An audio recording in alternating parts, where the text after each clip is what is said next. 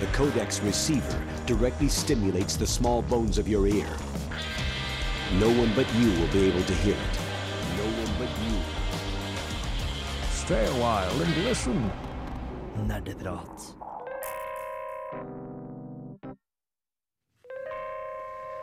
Hei og hjertelig velkommen til episode 41 av Nerdeprat. Radio Revolt sitt helt eget spillmagasin. I studio er vi Andreas. Renate. Og Maren. Steinar. Kristoffer. Combo breaker. Sorry, ass. Men den stemmen min har blitt vært sånn helt fucka opp siden The Gathering. Uh, masse rart. Så i dag så ble jeg jævlig å høre på. Sorry. Har du stått og growla? Nei, altså, ja, ja, men altså, jeg har vært sånn i hele The så har jeg hatt så sår hals. Og så har det liksom gått litt tid, og så har det blitt bedre. Så legger jeg meg, står jeg opp, og så er det samme greie. Det er sikkert fordi du snorker så mye. Neida. Men uansett, mitt navn er Torben Dahl, og jeg skal være både programleder og tekniker. Vi i Nerdeprat snakker løst og fast om spill vi har spilt og sånt, men eh, denne episoden blir litt spesiell. I påsken har vi nemlig vært og besøkt Hamar og Vikingskipet. Fordi der fant Norges største dataparty sted. Og flest avspillinger av rosa helikopter. Og ser der og går en Ja, og, ja. Mm, sorry, sorry. sorry. ah, sorry, nå slo, jeg til mikken, men det er av en god grunn. Som dere hører, så er vi litt uh, påvirka av å ha vært på The Gathering. På godt og vondt. Og uh, dagens sending skal derfor handle om nettopp The Gathering og dataparty. Det er dog ett spørsmål jeg alltid brenner inne med hver gang vi skal ha en ny sending, og det er som følger. Hva har dere spilt siden sist? Chris? Oh, ok, Eh, Siden du nevnte i sted at eh, jeg er så hes fordi jeg skreik så mye, som kan kanskje være litt sant, så må jeg nevne at i påska så prøvde annet jeg, Steinar og Hanna Vi prøvde Dying Light. Eh, har du ikke hørt om Dying Light, så er kort fortalt det er et spill der du har freerunning som et sentralt element, og så har du zombier som løper etter deg og bare bak deg. Men, også, mens du har på headset, så høres det helt jævlig ut. Eh, den har en coop-modus, da, så du kan spille sammen. Så en økt jeg og Steinar hadde, hadde vi på den storskjermen som vi hadde på hylla vår eh, på TG. Eh, og det går helt fint. Vi skal liksom bare hente noe ting fra et varehus, eh, og så plutselig så bare raser taket ned, og vi detter ned liksom en pitta full av zombier. Og bare shit, nå går shit down. Og så holder vi på å slåss, det går ganske fint. Slåss mot alle zombiene, og det, vi har ganske god situasjonskontroll. Og plutselig så blir det natt. Og når det blir natt i Dying Light, da kjenner de skikkelig jævlig zombiene ut, som er sånn overpower beast mode. Eh, og du hører bare utafor vinduet. Og så plutselig så er det en av monstrene vi slåss mot, slåss borti en bensintønne eller noe sånt, så den eksploderer. Og du ser alle de farlige zombiene samle seg rundt utafor på minikartet sånn her, da. Og du hører bare Alt resten av oss hører. Nei, nei, nei, Nei, det er ikke ennå. Eh. For at det, det her foregår en stund. Da, Bare sånn, ok, Kanskje det går fint. Kanskje jeg bare står utenfor, altså kanskje jeg bare er utafor og ikke kommer seg inn, for at det er et spesielt område. Men nei da. Etter en stund så bare dropper det fra taket gjennom ned, og bare Og bare! Og jeg skrek så jævlig høyt, og en ser ikke bare 'Faen, Chris, kan du holde litt kjeft?' Eller? Og folk i gangen snur seg av, bare friker helt ut. Begge Det to var- har ja. fullstendig Det panikk. var så klaus. Herregud. Det var? Vi visste ikke hvordan vi skulle komme oss ut. Det var ikke hadde- mulig nei, å komme ut. Nei, Vi hadde allerede liksom zombier rundt som bare allerede holdt på å banke oss, og så kom hele den gjengen. ikke sant? Jeg holdt på å dø. Det var så intenst. Jesus Christ. Til slutt så klarte jeg endelig å klatre opp ei hylle. Ja. Chris! Chris! er ut her! Vi skal ut her! Ja, altså, det var Beklager til alt som har på seg eh, headphones nå.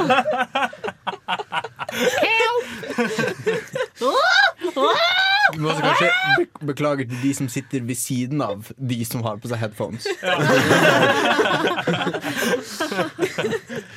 så det var TG for meg. Du har også, du har også spilt uh, Dying Light, uh, Steinar. Ja, jeg har jo samme opplevelse som Chris. Vi satt jo og skreik hele kvelden omtrent. Men har du spilt noe annet òg? Ja, jeg har spilt en del alt mulig, egentlig. Gått litt gjennom Steam-biblioteket mitt og øh, litt sånn. Jeg har jobba litt mer med et kart jeg har prata litt på før, som, uh, på Minecraft. Sammen med noen venner av meg. Eh, og så har jeg prøvd, prøvd meg på noen par eh, competitive games multiplayer sammen med de andre her. eh, som for eksempel Nidhogg, var det vel det ene het? Det var, det var veldig artig, syns jeg. Jeg har aldri tatt i det før. Og det hadde dere på den TV-skjermen Ja. på TG. Ja, det kjørte vi på storskjermen, selvfølgelig. Så vi var sånn fire stykker som satt og så, fire-fem stykker som satt og så på, og så var det to som spilte. Så det var bra kaos, ass. Det er intenst. Det var er veldig intenst. Og Åse Maren, du var også med oss til eh, TG. Ja, jeg, jeg, jeg, ikke, vi, spilte ikke noe særlig sammen med deg. Hva, hva, hva er det du spilte på? Uh, vet du hva, jeg har endelig gått gjennom eh, alle routene jeg ville i Hustlecat. Jeg har nå gått gjennom hun sommeransvarlige. Hun har jeg blitt ferdig med. Og så har jeg blitt ferdig med kokken, som er sånn skikkelig sånn muskuløs og er liksom vakta da, på den restauranten. Ferdig med? Er det sånn liksom at I et sånt datingspill så bare blir du befriender du og blir kjæreste med noen, og så bare Nei, nå er jeg ferdig med story-arken din. Whoosh! Neste! Nei, men man starter jo på et nytt Ah, game, ok, da. greit. Ja, fordi Hustlecat er det her datingspillet som du snakka om på vår datingsending for, uh, Ja. før påsken. Der du basically jobber, altså du jobber på en kattekafé, da. Og så Mm. kan du bli venner og kanskje finne deg kjæreste, og så finne ut at de er katter, men du, du kysser kun de menneskelige versjonene av kattene, da. Det er, det er. Så, Det, er da du merker dette er eh, laget i Vesten og ikke i Japan. ja. Sjøl om det er litt sånn Jeg vet ikke hva, for du har ei sånn, en vanlig katt da, i Hustlecat, som er liksom katta di. Og det er liksom Særlig på den SoMe-ansvarlig-routen. Så eh, kommer hun på besøk til deg i sin katteform, da. For hun kan ikke være noe annet enn katt når de er utenfor den kafeen. For det er sånn magi og sånn. Eh, og så skal du liksom prøve å transformere, transformere henne tilbake til menneske. Eh, så jeg vet ikke hva som skjedde mellom hun og katta mi, altså Mochin, mens jeg sov. What? Men eh, du våkner liksom til at du ligger på sofaen, og Nei, OK, jeg skal ikke spole noe. Uh, ellers så har vi spilt litt Garys Mod. Og det var artig! Help! Help! Vi spilte Murder, som er vi, Basically, vi lastet ned en map som er det um, huset fra Clue. Ja, det er Eller store, Cluedo. gamle um, slottet. Så Ja. Fra Clue-filmen, altså. Ja. Ja. Og spilt Murder, der, du liksom, der det er en som er morder, og så er en som er bystander med våpen, og så er resten vanlige bystandere. Det kan minne litt om sånn eh, Å, jeg husker ikke Ikke varulv, men eh, det ligner Mafia. Mafia. Ja, Mafia. Stemmer. Og det som var litt kult, var at liksom, i det mappet så hadde du også eh, malerier som du kunne dytte inn, da, og så gå i et bakrom og sånt. Så det var jo egentlig laga for en helt annen spillemodus, men det passa perfekt til murder, egentlig. Du kunne slå av lyset Ja. litt litt game og skremme livskiten ut av folk. Hvem skrudde av lyset?! Det var dritartig. Jeg tror jeg sjelden Altså, Garry's Mod er et sånt spill som du kan ha det som du kan bruke til alt, egentlig, virker veldig som. For vi, vi brukte ikke bare det til murder, vi spilte òg sånn Uh, Prop hunt, ja. Der du skal eh, skjule der, der du skal være props, altså stoler eller ulike dekorasjoner da, i det mappen. Og det var veldig morsomt. Selv om eh, det på et, et tidspunkt så var Chris alene som hunter, og fant oss aldri. Jeg var liksom en stol som står der og sender ut sånn tånt. Ja, kan, ja, hvis du trykker sånn F3 eller F4, så får du sånne random lydklipp fra TV-serier og sånt. Og det som er litt morsomt, da, at du, enten, noen ganger så er det en veldig kort lyd, som Pikachu som bare sier noe kjapt. Eller det kan være at plutselig så spilles et sånn 20 minutters lang klipp av Trollololololmannen. Og da er jeg bare sånn Shit, nå kommer han og ser meg! Og da er jeg kjemperedd til å finne dem. Ja, Så det er veldig veldig kul funksjon. Mm. Det som er kult med Gareth Mod også, at det er jo veldig veldig mange spill igjen. Det er jo det folk har modda det til å være. Ja. Eh, Så det er ve veldig god value. Hvis du ser etter et flerspillspill, flerspillerspill, så burde Gareth Mod være gjennom første. Mm. første. Og så I tillegg så har jeg prøvd meg på Civilization 5 med et par andre. Jeg prøvde meg som Korea. Jeg sugde. Jeg spiller vanligvis kun som Cartago, eller Carthage, som er liksom Dido, som er liksom ei badass motherfucker som uh, tjener masse penger og lager masse skip, og liksom spammer, får sånn masse sånn enorm flyt, da. Uh, så jeg var liksom vant til det, og i stedet får jeg Korea, som liksom starter opp i, i nærheten av sånn fire barbarian camps. Det var artig. Uh, og så har jeg endelig nesten gjort meg ferdig med Tomb Raider fra 2013. Der har jeg brukt sånn, jeg tror det er 70 timer på så langt. Respektabelt. Respektabelt. Og så har jeg spilt litt Likte du det? Ja. Vet du hva? Uh, det er det er veldig, jeg tror jeg snakka om det før på Nerdeprat. Fordi eh, jeg, det var en periode der jeg spilte jævlig mye. Og så bare slutta jeg. Og så kom jeg ikke på hvorfor jeg slutta. Men så så oppdaga jeg at det er jo fordi når du dør, og jeg dør ofte, så får du sånne death animations. Du får sånne cutscenes. Det er liksom Lara bare uh, blir spidda av et eller annet, eller detter ned i grop, og så hører du bare Wah! Og det er liksom Ja, ja du hører det når hun liksom lander. Jeg bare Dette er litt sånn Hvorfor har de så sinnssykt mange av disse her? Og tenk, tenk så weird å sitte der og jobbe i timevis med denne animasjonen. ja. Altså, det er noen som har gjort dette. Noen har sittet der og håndene med sånn du, du, du, du, du, Hvis du. du syns det er brutalt, anbefaler ikke å spille Dead Space, iallfall. Det er de Ja. ja. Åse hadde et veldig fantastisk ansiktsuttrykk nå. Jeg har spilt Dead Space, og let me tell you, jeg var nesten som Chris når han spilte Dying Light under hele den uh, spillopplevelsen. For da satt jeg hele tida sånn What? What? What? Hva? Og jeg satt liksom over Skype med ei venninne, og hun bare, vi prøvde å liksom simultanspille da, sånn at vi hadde kommet oss like langt i spillet. Men hun måtte liksom vente på meg hele tida, for jeg bare «Hva? Skal jeg gjøre? Hva skal jeg gjøre? Hva skal jeg gjøre? Hva skal jeg gjøre? Og så prøver jeg å skyte, og så bare bommer jeg. og Så, ah! Så det var Det men- spillet slutter å være skummelt hvis du går gjennom det baklengs. Jaha? Serr, altså hvis du går med, liksom, med Isaac, altså hvis du går liksom med ryggen mot der du skal, og så går du baklengs. Fordi alle monstrene dukker opp bak deg. Men da ser du jo på monstrene når de som bare dukker opp. Oh my god, Nei, men det må jo være dritskummelt. ja, du kan jo ikke se hvor du går, men, eh, men alle monstrene kommer jo bak deg. Ja, det skumleste er jo det du ikke ser. Når du ser det, så er det ikke skummelt. Nei.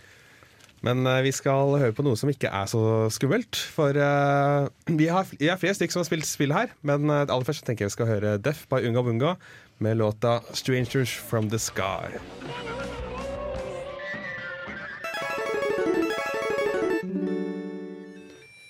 Vent, hva var den lyden? It's a trap! Ja, uansett. eh, litt leke med formatet fra Vent, nå er jeg redd. De, det minste så er det ikke sånn Det er ikke meg. Ikke meg. Jeg har bare dokk i lomma. in- Ingen som leker med oss? Keep Nei? talking and nobody explodes. Andreas, slutt! Vel, uh, forhåpentligvis så blir det ikke avbrutt av den noe mer, men eh, Renate, Hello! du var også med oss på The Gathering i Ja. påska. Eh, Jeg var jo med, men ikke helt med. Fordi dere satt jo i sånn kul lite hjørne at museet, mens jeg satt langt borti en stille sone sammen med Arner, og det var litt trist. Så jeg hørte ikke Kristin skriking, og nå er jeg sånn her Damn it! Jeg vil også høre på at folk har det vondt. Du, du, du, du hørte ikke helt dit? Nei, men jeg hørte noe slags skriking, men jeg vet ikke om det var Kristin nødvendigvis, da. Nei, sannsynligvis. Nei, det var liksom det var, det var sånn På et tidspunkt så var det sånn noen random som skrek skikkelig høyt i skipet, og så bare Renate tekster i chatten. Var det Chris? Ja, ja. ikke denne gangen. Nei, men uh, Unnskyld digresjoner. Ja, men jeg har også spilt. Det har jeg. Yeah. Uh, jeg satt jo sammen med Hyperion-folk, og de bare liksom 'Å, Renate, du må totally spille det spillet her som heter Planet Side 2.' Og jeg bare 'nei'. Og så spurte jeg meg en gang til, og jeg bare 'ja, OK, jeg skal spille'. Um, og det er litt sånn vanlig first person shooterspill. eh, Litt sånn Mass Effect, litt Battlefield. Gå ut i space og skyte og ta over baser og sånne ting. Veldig rett fram, egentlig. Men kjempeartig. Hvis du, hvis du spiller sammen med folk som kan det, så er det sånn kjempeartig spill. Bare, ho, yeah, jeg drep noen, der døde, og der døde, og der døde. Jeg spiller noe annet. Um, og Yes. Jeg, jeg spilte det litt, men jeg ble plaget av at det er, det er veldig sånn pay to win. Altså, Ja.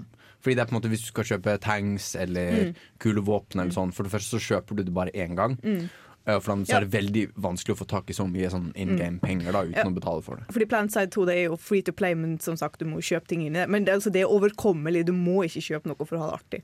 Men det er sånn der, et spill ikke kommer til å spille flere ganger alene. Det er sånn Man må gjøre det med venner. Helst en stor gjeng. Um, og så har jeg også spillet med Stardew Valley, som ikke passer helt til TG-følelsen, egentlig, så da spiller jeg fem minutter og bare Nei, jeg må spille noe dreping av noe slag. Men eh, Jens Erik, eh, som også var med oss til The Yes, Gathering, spilte også mye Stardew Valley. Ja. Men jeg føler at det er en kule kidsen spiller nå. Det er det kule kitten spiller. Så jeg er det rommet så er eneste jeg er så kul. Spiller du også, Maren? Nei. Ah, nei. Ja, men det er kult. Eh, og, og med denne store groundbreaking ting i min spillhistorie. Jeg har oh. prøvd min første Moba, nemlig LOL, League of Legends. Eh, Ja. Jeg har aldri spilt sånne spill før. eh, men jeg prøvde, og det er, jeg skjønner at folk blir addicted, egentlig. Jeg skjønner at folk vil sitte og spille litt mer. For det er Hvis du spiller igjen med en god venn igjen, så er det kjempeartig. Og det er sånn, jeg er sånn jeg er rage quitter i spill. Jeg er sånn som blir forbanna når de ikke vinner, og bare kaster frem kontrolleren, knuser PC-skjermer og dreper folk og sånne ting. Min Men jeg- ikke lån. jeg tar det tilbake. Uh, men her spiller jeg da bare sånn Nei, men nå kan jeg det. her. Nå, ah, ja, vi tapte. Ja vel. Men det var kjempeartig å liksom sitte og snakke med noen på telefonene. Og ja, OK, jeg går dit. Å, jeg må trykke på den eh, skillsen for å gjøre det. Ja, ja, kjempeartig. Og fin art og sånne ting. Så jeg, jeg har egentlig bare trippa vel gå. Jeg må spille igjen. Du har fått litt dilla? Jeg har fått litt dilla på LOL. Og det er teit å si av navnet, egentlig. Sorry. LOL. League of Legends. Oh, please. Um, hva mer har jeg spilla? Jeg har spilla så mye. Oh, jeg har spilla så mye. Oh, nei, det er vel litt av clouet når man er på The Gathering. Ikke sant? Det går bare tapt i alt annet. Jeg har spilla Nidhogg. Fy faen, jeg ble sint. Og ble, ja, den indre nordlendingen i meg kom bare ut på full guffe. Og bare sånn Jeg har så mye jeg skal se om det spillet her. Jeg vil gjerne spille igjen, da, for jeg liker Rage Quit. Hvorfor blir jeg spist av en orm? Hvorfor? Joks! Fordi, for de av dere som kanskje ikke helt vet hva Needhog er, så er det et uh, spill hvor du Sverdfektingsspill, kan du si. Ja. I 2D. Én versus én. Og, eh, Men eh, det er litt mer til eh, enn det. Ja, det er veldig arkadeinspirert. da. -hmm. De har veldig kjappe og enkle Det, altså, det er veldig presise kontrollere, og det er veldig lett å lære, men det tar veldig mye tid å mestre. Ja. Uh, og det handler jo rett og slett om at du skal fekte med motstanderen. Motstanderen din dør, da skal du begynne å løpe mot din side av skjermen, og motstanderen skal gjøre det tilsvarende hvis en klarer å drepe deg igjen. da Så om man kommer til helt enden, og kommer til enden, så blir du spist av Nidhogg, som er en eller annen norrøn mytologisk orm, som jeg alltid blander med en annen norrøn mytologisk orm. For Så- Er det den samme som Midgardsormen? Eller er det Eh, en Nei, annen? jeg tror det er den andre ormen. Er Nidhogg ormen som drypper gift på Loke? Kanskje Mm. Nidhogger. Wikipedia. In Norse mythology, skal vi se. Er Er du på? Nei, det er den som spiser på verdenstreet. Å ja, ja, det er det. Det Jeg er trodde det. det var Miklegardsormen. Jeg sverger at det var Det kan, det kan være det samme. Ja, kan være sammen? Ja, sammen. Skjært barn og mange navn. Unnskyld, men Nidhogg det er også et sånt spill du liksom Å, det her går jo kjempebra! Det går kjempebra! Mm, Nei! OK, det går kjempebra. kjempedårlig. Så det er sånn Ja! Nei! Og jeg ble veldig sint på alle medlemmene i Nerdeprat. Jeg snakka ikke med dem på flere timer. Var det derfor? Ja, Bortsett fra meg, da! ja OK. Jeg, ah, var ikke der engang. Nei, jeg var, jeg, var, jeg var er den eneste her i dette rommet som ikke var på The Gathering. Uh, jeg var på Påskefjellet. Det er da på en måte et konsept. Ikke Hva? et vanlig norsk ferie? Ja. ja. Og det er et konsept, ikke et, ikke et spesifikt fjell. Uh, men, og jeg var på hytta. Uh, vi har PlayStation 4 på hytta, så at vi får lurt med min lillebror. Så jeg spilte Wolfenstein The New Order. Det er virkelig fett, altså. Ja. Det er på en måte en så perfekt blanding av det føles litt som å komme eh, tilbake til de gode, gamle skytespillene, samtidig som det på en måte tar det beste fra jeg vil si, de moderne skytespillene. Det er på en måte veldig eh, Du kan spille veldig på den måten du liker. Altså Du kan snike deg rundt med kniven og stikke nazister. Eller du kan ha et, en svær hagle i hver hånd bare bam, bam, bam. Så du kan uh, gå veldig på den måten du, du selv vil, da. Og, du og så er det litt sånn rollespillmekanikker at du unlocker nye ting hvis du spiller bra med din. For eksempel hvis du skyter mange med to geværer, så blir du bedre til å skyte folk med to geværer. Så det er sånn, litt rollespill, men samtidig liksom, veldig sånn old school. At du plukker opp masse armor. Og liksom, det er ikke sånn eh, COD-type liv. Så det, jeg spilte gjennom det i påsken, og eh, også bra historie. Eh, Forbauset nok til å være en sånn På utsiden så ser den ut som en sånn Litt sånn dum eh, greie, men det er et nokså fin historie. Er ikke der det er Mekka-Hitler? Ja. Ah, Altså, bra det- historie. Ja, altså, ja, altså i, I det originale Wolfenstein så var det Meka-Hitler. Her er det Meka Ja, det er eh, en, en eller annen naziforskerfyr som er spenna gæren og stikker folk med Nei, du har jo han er, eh, ja, han er basically liksom ja. Men, han la, Totenkopf. ja, men han lager eh, Max av soldater som han fanger. Ja, mm. supersoldater. Ja. Eh, så det, så, ja, det er heter, jeg så en Rock Paper Shotgun-video om dette. Den kan vi linke. Men det er veldig interessant at det burde ikke funke å ha den der sånn, litt sånn jeg vet ikke hva jeg skal kalle det, men det er litt sånn harry med litt sånn super-nazi-roboter og panserhunder. Liksom, bam, bam, bam. og du ser jo ut altså, Du er ikke proporsjonert som et menneske i det hele tatt. Du er sånn slags et lite fjell som beveger seg, og liksom sånn superskjeve. Liksom, det ser ut som det dummeste skytespillet. Eh, og så er det samtidig veldig sånn eh, Hva er det den heter? Et eller annet Blaskowitz. Ja, BJ Blazkowicz. BJ Blaskowitz. Ha, ha sånne Mellom levelene så har han sånn skikkelig triste monologer. Ja. Og liksom, det burde ikke funke sammen. Men på en eller annen måte så funker det. For det, så, det er på en måte så genuint gjort, hele greia. Det er liksom gjennomført med litt sånn patos, Si. Mm. Så det, det burde ikke funke, eh, men det gjør det. Og en, en interessant video fra Rock Paper Shotgun som snakker om det. I tillegg så har jeg fått dilla på Katawa Sujo Ah. igjen.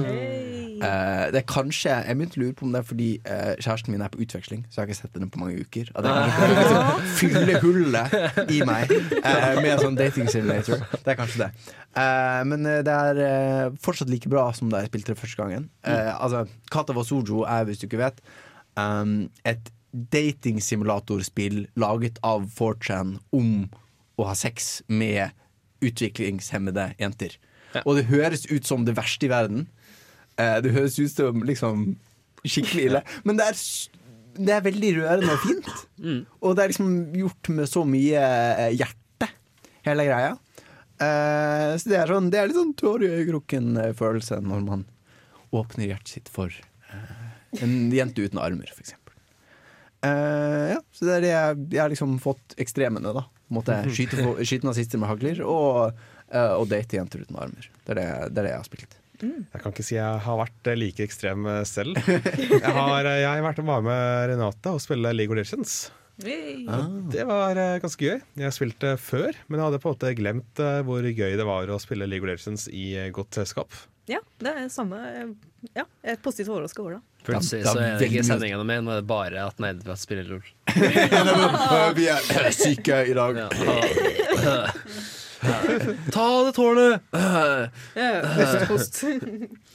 Nei, jeg koste meg med det, og jeg kan ikke huske at jeg s- hva, hva mer er det jeg har spilt på Eller, hva, Du har vært på The Gathering, du må ha spilt noe mer, Jeg må ha spilt noe. Jeg, jeg prøvde litt mer Hateful Boyfriend. eh, Hey. og sånt, men ellers så det gikk veldig mye i å redigere podkastene som vi lagde der borte. Og ellers se på YouTube. Du var også med på Garys Mod, da. Ja, det var jeg.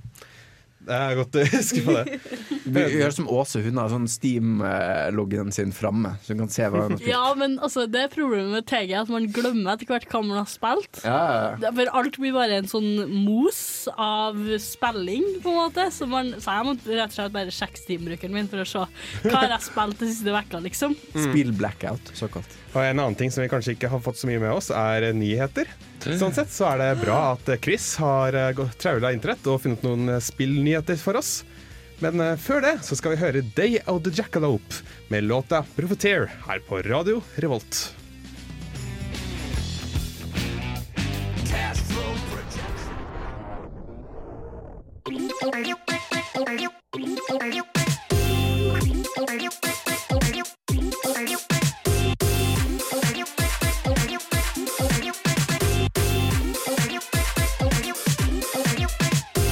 Nerdenytt. Og eh, nyhetene dem får vi servert av Chris Monsen. Ja, I dag så har vi annet en del script kiddies som leker seg. Vi har faktiske hackere som hacker. Vi har folk som får snakke seg. Og vi har en del utgivelsesnytt som, som ja, som, som det typiske.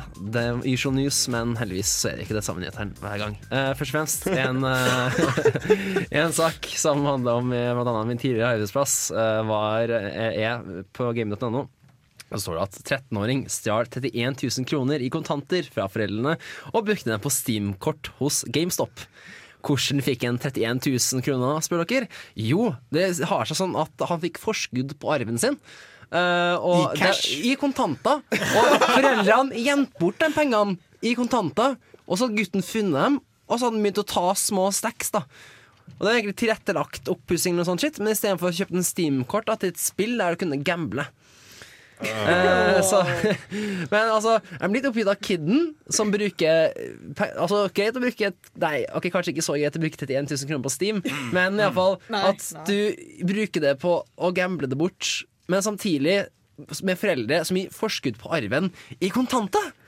Og gjemmer det bort. men gjemmer det. Ja, hjemme. Det er det banker er til for. Nå ser jeg for meg at de liksom har gjemt det under madrassen eller noe sånt. Stappa en madrass full av Og så lå han bare der en dag og sa sånn hm, Litt for myk madrass. Ah. Fortjener skikkelig sai. Altså, skal, du gå, ja, ja. skal du gå inn da på butikken bare med sånn svær wad med cash og bare 'Hei, jeg skal ha et morgenspann og jeg skal ha en sånn gassmaske og litt sånn.' Nei. Å, ja, ja, ja.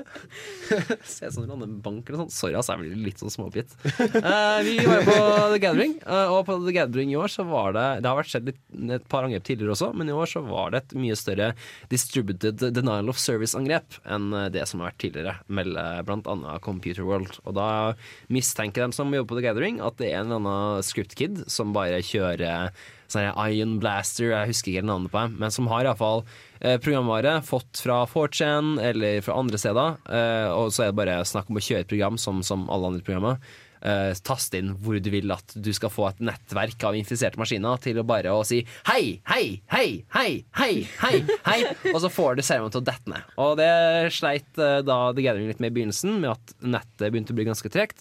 Meste For, det meste så fiksa de alt, men de hadde noen små problemer. Men de har også opplevd det her blant annet i 2012. Sånn at eh, det tok dem ikke så på senga nå som før, da. At Før så måtte de faktisk finne ut hvem det var og si at hei, du, vær snill, ikke gjør. Du skal Så- få billett, altså. Du får komme på DG. Ikke bli sint! Uh, mer exciting news for bl.a. Andreas og også Maren er at det er blitt avslørt ja, fra lekka markedsføringsmateriale, eller markeds, mark, nei, markedsføringsundersøkelse, at i Mass Effect Andromeda så er det menneskene som er de invaderende romvesenene. Eh, Så det blir en veldig snudd tematikk, iallfall i forskjell til Mass Effect 1, 2 og 3. Ja. Der det er mer menneskene som eh, eh, prøver å bli en del av det internasjonale samfunnet, men resten er litt sånn Nei.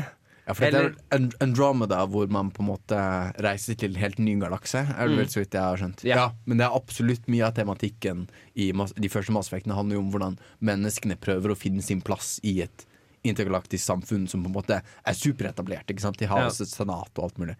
Uh, men det blir veldig spennende. Og det blir nesten litt sånn Star Trek. Hvor man på en måte har mennesker som kommer litt utenfra og ser inn på et nytt uh, samfunn. Jeg, jeg glemmer veldig til, uh, til ny Mass Effect. Dette blir dritbra.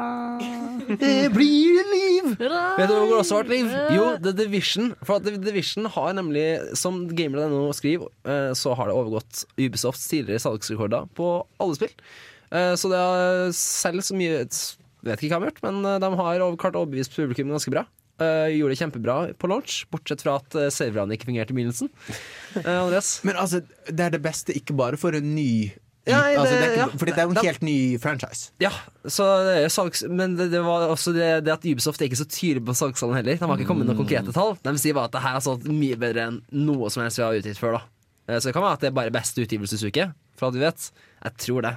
Eh, Jeg tror ikke han klarer å selge det han har solgt mest av. Jeg klarer å overselge liksom, Assassin's Creed fordi på en måte, sånne superetablerte Det er i Ja. så fall veldig imponerende, da.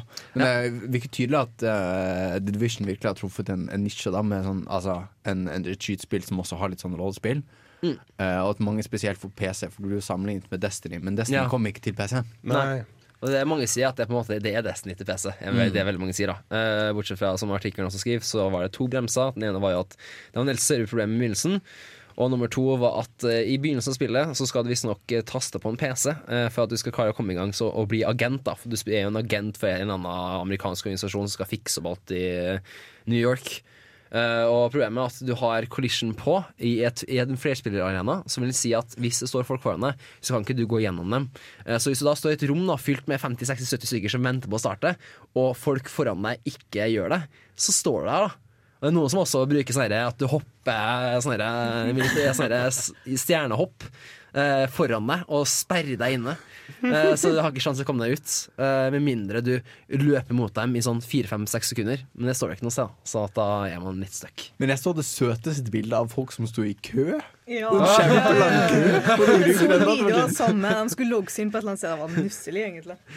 Multiplayer massive online. Ja. Den ene gangen de ikke troller, det er ganske imponerende. ass.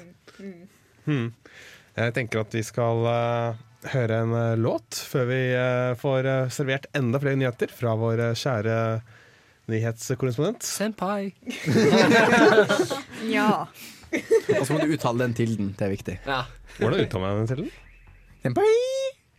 Ah, Senpai. vi skal uansett få Beaty Heart med låta 'Flora'.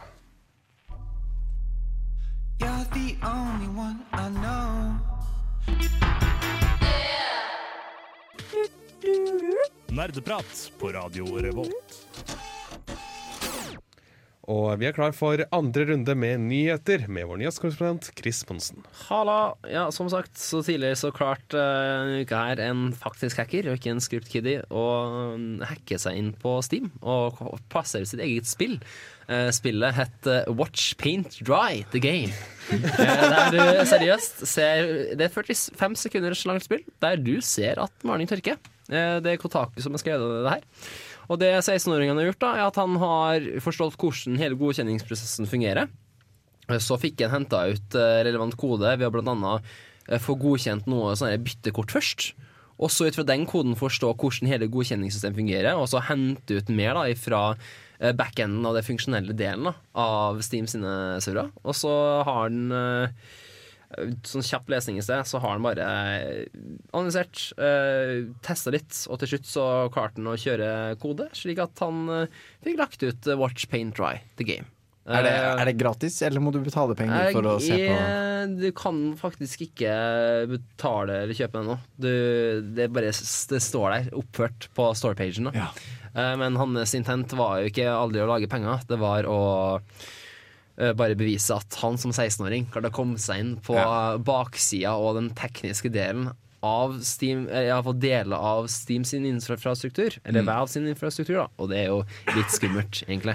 Ja, det og det tok en to dager, og han hadde veldig lite erfaring med programmering, ifølge han selv. Ja, og det, er- det er tilgang på Altså potensielt Ja. tilgang på folks kredittkortinformasjon. Mm. Altså det er jo Ja, for til forskjell fra hacking, så er forskjellen altså, i forhold til scripts, der du bare kjører ting og bare ødelegger ved at du bare Mm. spammer ting, så hacking handler jo mer om eh, å faktisk bare komme seg inn, hente viktig informasjon, komme seg ut Ja. uten at noen merker det. Uh, Så det er som er skummelt, da.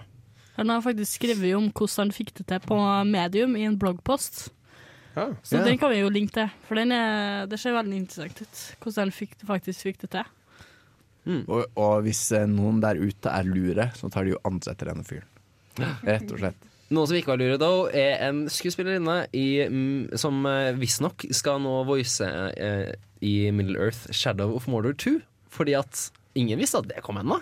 Eh, så hun har vært litt ivrig med å poste eh, på en eller annen eh, profileringsside om at hun er en stemmeskuespiller i Middle Earth Shadow of Mordor 2, og da plutselig så ser det ut som at det har blitt bekrefta. Men jeg men- eh, vi har ikke hørt noe fra offisielt hold enda, om jeg ikke tar helt feil. Med LGML.no iallfall. Uh, men det blir spennende å se, og jeg håper det kommer et nytt sett. Ikke at jeg spilte det første, men jeg har fått veldig god mottakelse. Ja. Så jeg tror nok en toer kan gjøre seg veldig bra. Nei, sånn Stemmeskuespillere har det med å avsløre sånne detaljer. Og Sånn, ah, 'Jeg var nettopp ferdig ferdig med å spille inn for eh, Last of Us 2'. Uh, sånn, Hæ? Ja, Vent, vent et øyeblikk. Ja, det var fint å vite! Takk for at du sa det. Uh, og videre så Vi snakka litt tidligere om uh, Dying Light. eh, et spill som jeg føler er et mye bedre zombiespill enn bl.a. Dead Island. Nå skulle det komme en Dead Island 2. eh, men det har vært stille en stund. Og nå ser det ut som at det har fått nytt liv i seg igjen. For nå har de fått en ny utvikler, Sumo Digital. Og det er da etter at spillet har stått åtte måneder uten utvikler. Oi. Så jeg håper de får gjort noe med det. For at det der var sånn OK, men uh, det var ikke så morsomt. Veldig generisk uh, bad guy. eh, veldig kjedelig combat-system, egentlig, og veldig mye rart. Det, det man merker mye av Dead Island i Dying Light. Altså, måte, ja, du, ja, men jeg føler at det gjør det på mye bedre måte. Du Ja. har mye morsommere mekanikker. Uh, ja, altså, det, det, er et veldig mye bedre spill, men det er litt sånn sparkingen føles litt likt. Altså, det er et eller annet som føles litt likt. ja, at det er litt inspirert, ja. Ja, bare veldig mye bedre. Ja. Eh, Gris, kan jeg spørre, har du med nyheten at survival mode kommer til uh, Fallout 4 nå? Nei. Kan jeg snike inn en nyhet? Du kan snike inn uh... Fall- survival mode kommer til Fallout 4 nå. Nei, det er nå på, på Steam Beta. Så du kan, Hvis du har Fallout 4 på PC, så kan du gå inn og så kan du inn på innstillinger på spillet Så kan du si 'jeg vil være med i beta', og da kan du prøve ny survival mode til Fallout 4. Det Er det litt som hardcore-moden fra Fallout New Vegas. Det er det. Så nå er det at du må spise og drikke.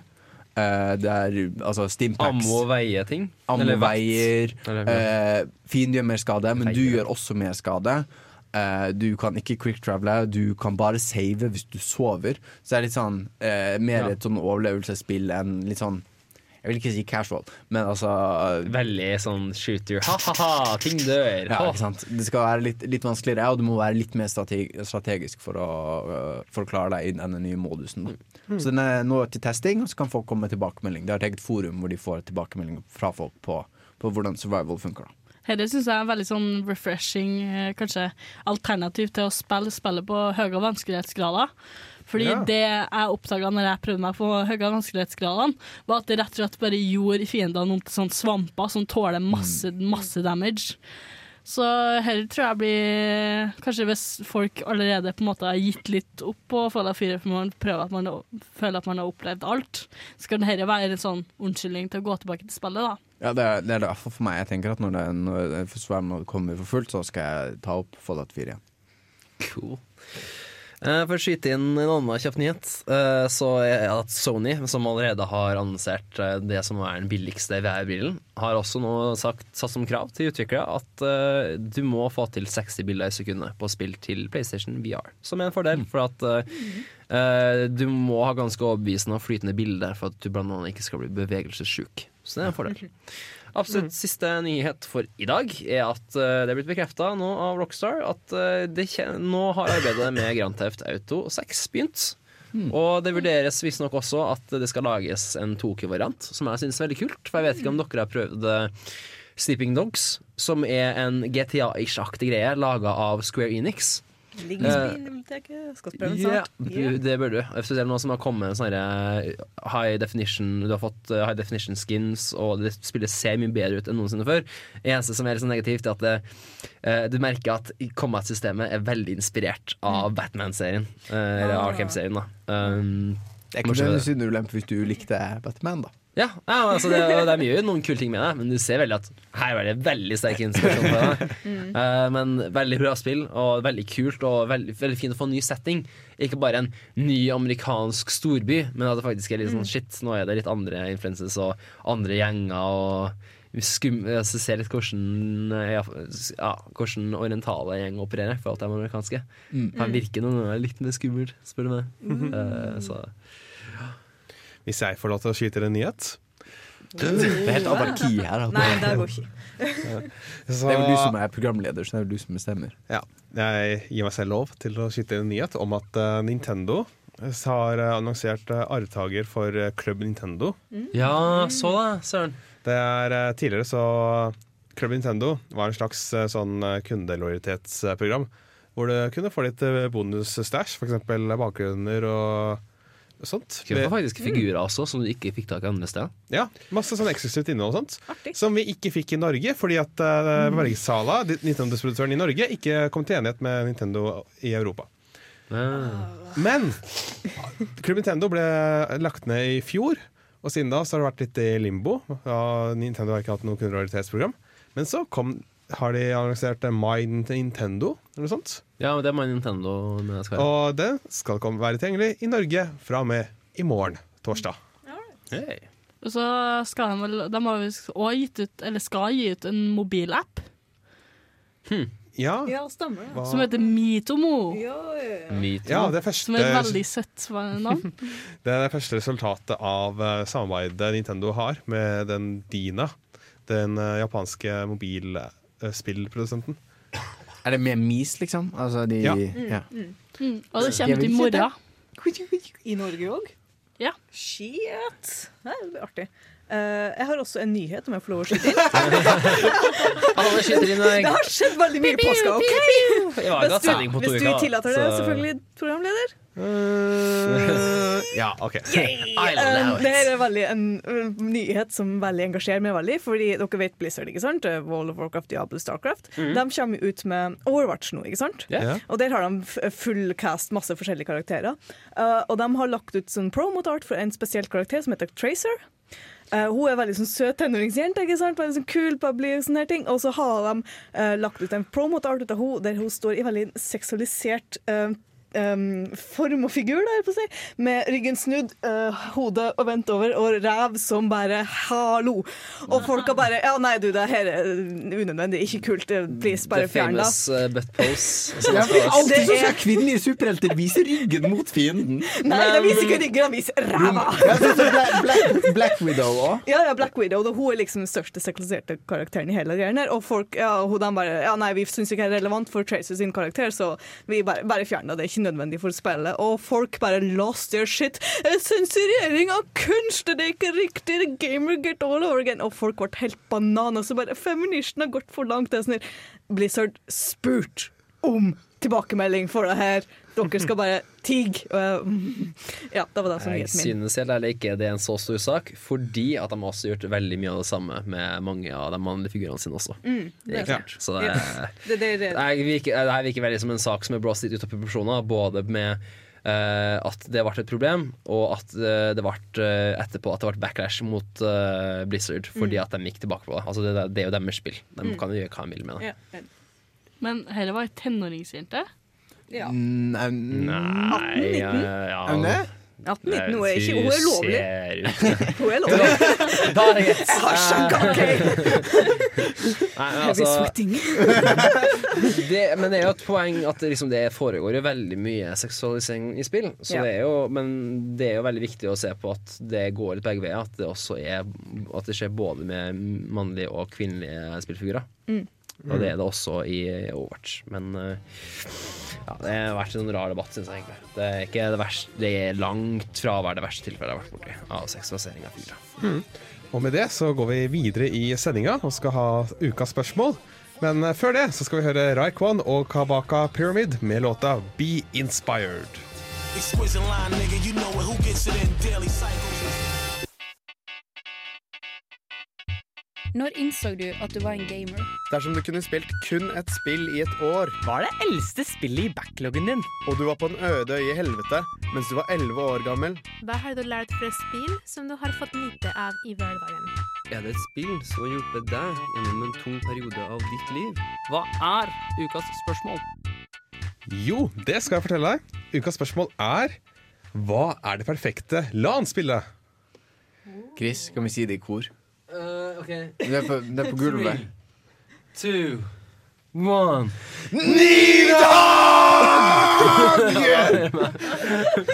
Hvorfor er Needhog det perfekte LAN-spillet?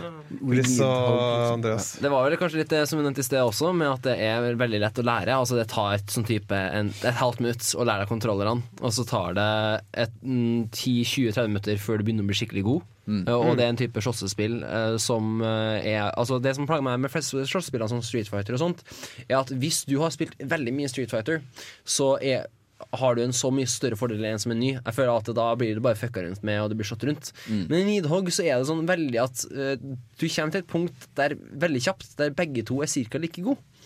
Og at det er ikke så mye forskjell på Altså Det med at det handler om re- reaksjonstiden din, og at du tenker litt på forhånd og sånt. Men det jeg føler at kampen blir mye jevnere og veldig mye mer intenst.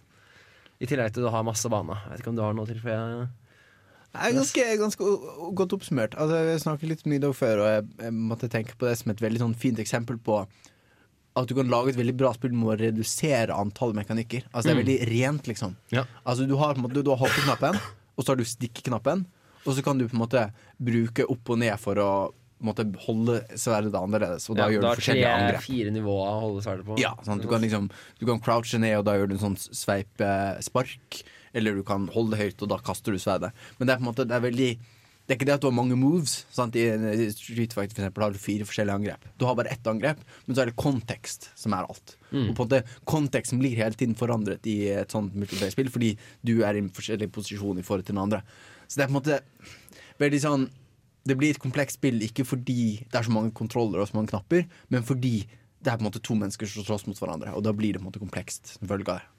I tillegg til på Nidoga, så det at det er ikke bare spillerne som spiller mot det. Bana er jo også jævlig mot det til tider. Jeg tror vi spiller en sånn cloud-bane at liksom bakkene bokstavelig talt forsvant under det. Og det er sånn Ja, nå tar jeg den!